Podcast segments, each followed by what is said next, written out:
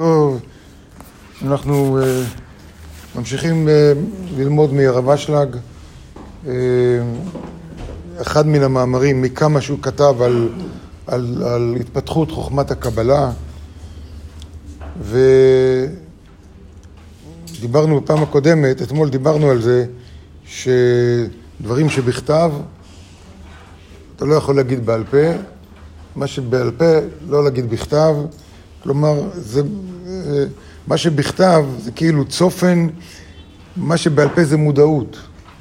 זה המודעות של הדברים, הכוונות של הדברים, ולכן לא כותבים אותם. אבל, בזה, בזה סיימנו אתמול, שרק אחרי, אחרי חורבן בית המקדש והתפזרות האומה מארצה, היו פחדים שלא תשתכח תורה מישראל.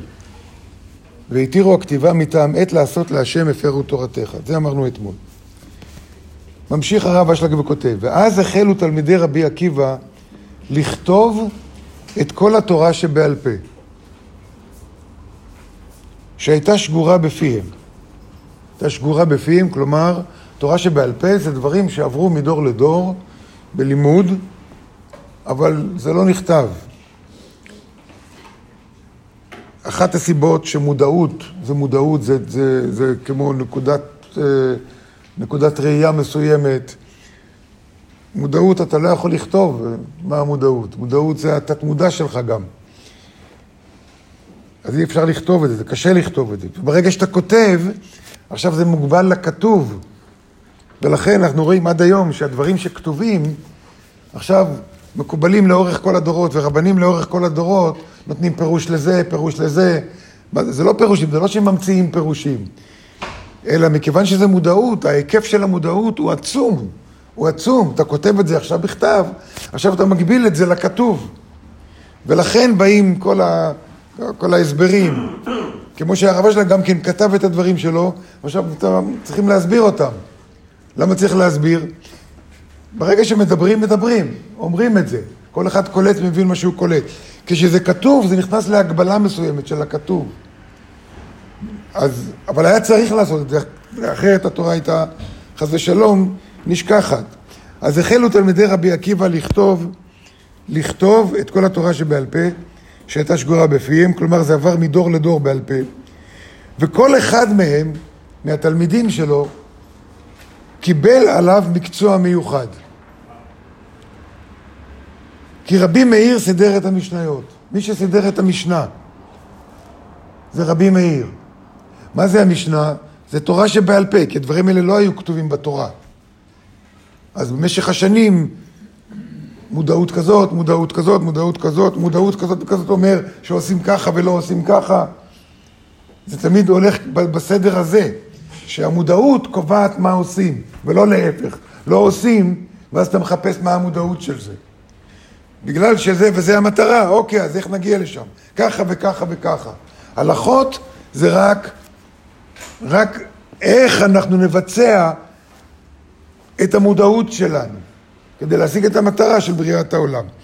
אז המשניות זה בעיקר סוג של הלכות, זה ההתחלה של ההלכות היו המשניות. רבי, סידר, סידר, רבי מאיר סידר את המשניות, ורבי יהודה סידר את התוספתות.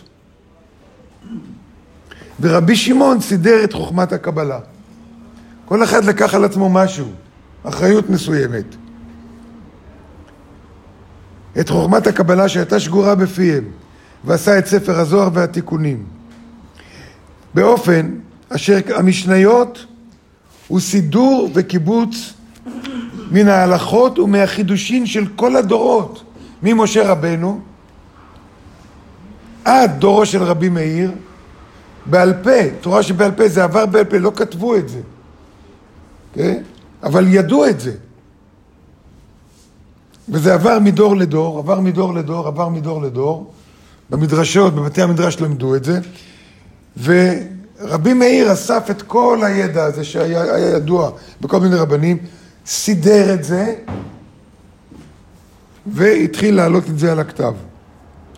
ולכן אומרים, ואם כל זה נכתבה בסתמה בשם רבי מאיר, לכן אומרים שכל משנה שלא כתוב עליה מי אמר אותה, זאת, זה, זה, זה ההלכה, שכל משנה שלא כתוב עליה מי אמר אותה, זה רבי מאיר אמר אותה.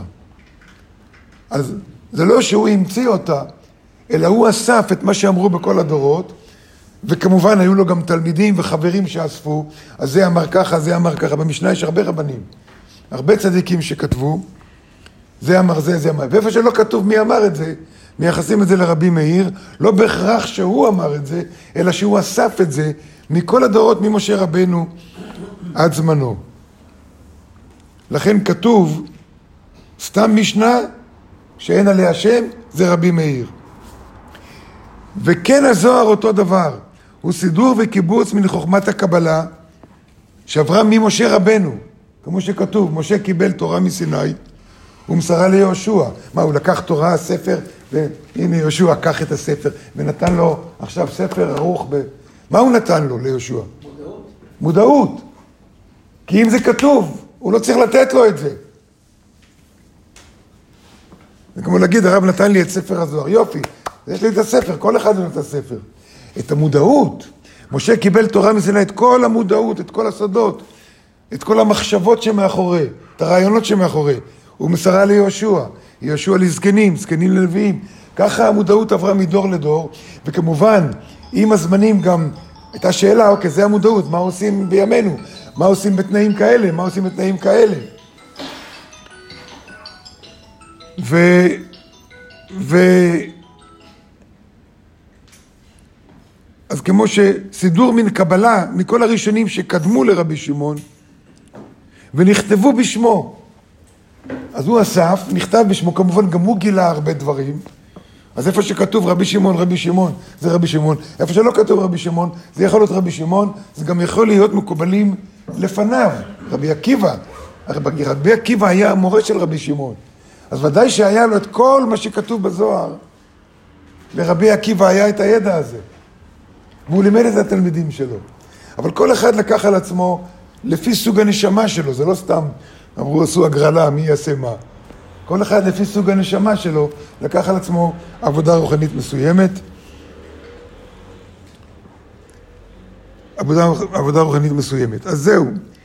עכשיו השאלה, עד איזה דור זה נמשך? להוסיף את הדברים, או לרשום את הדברים.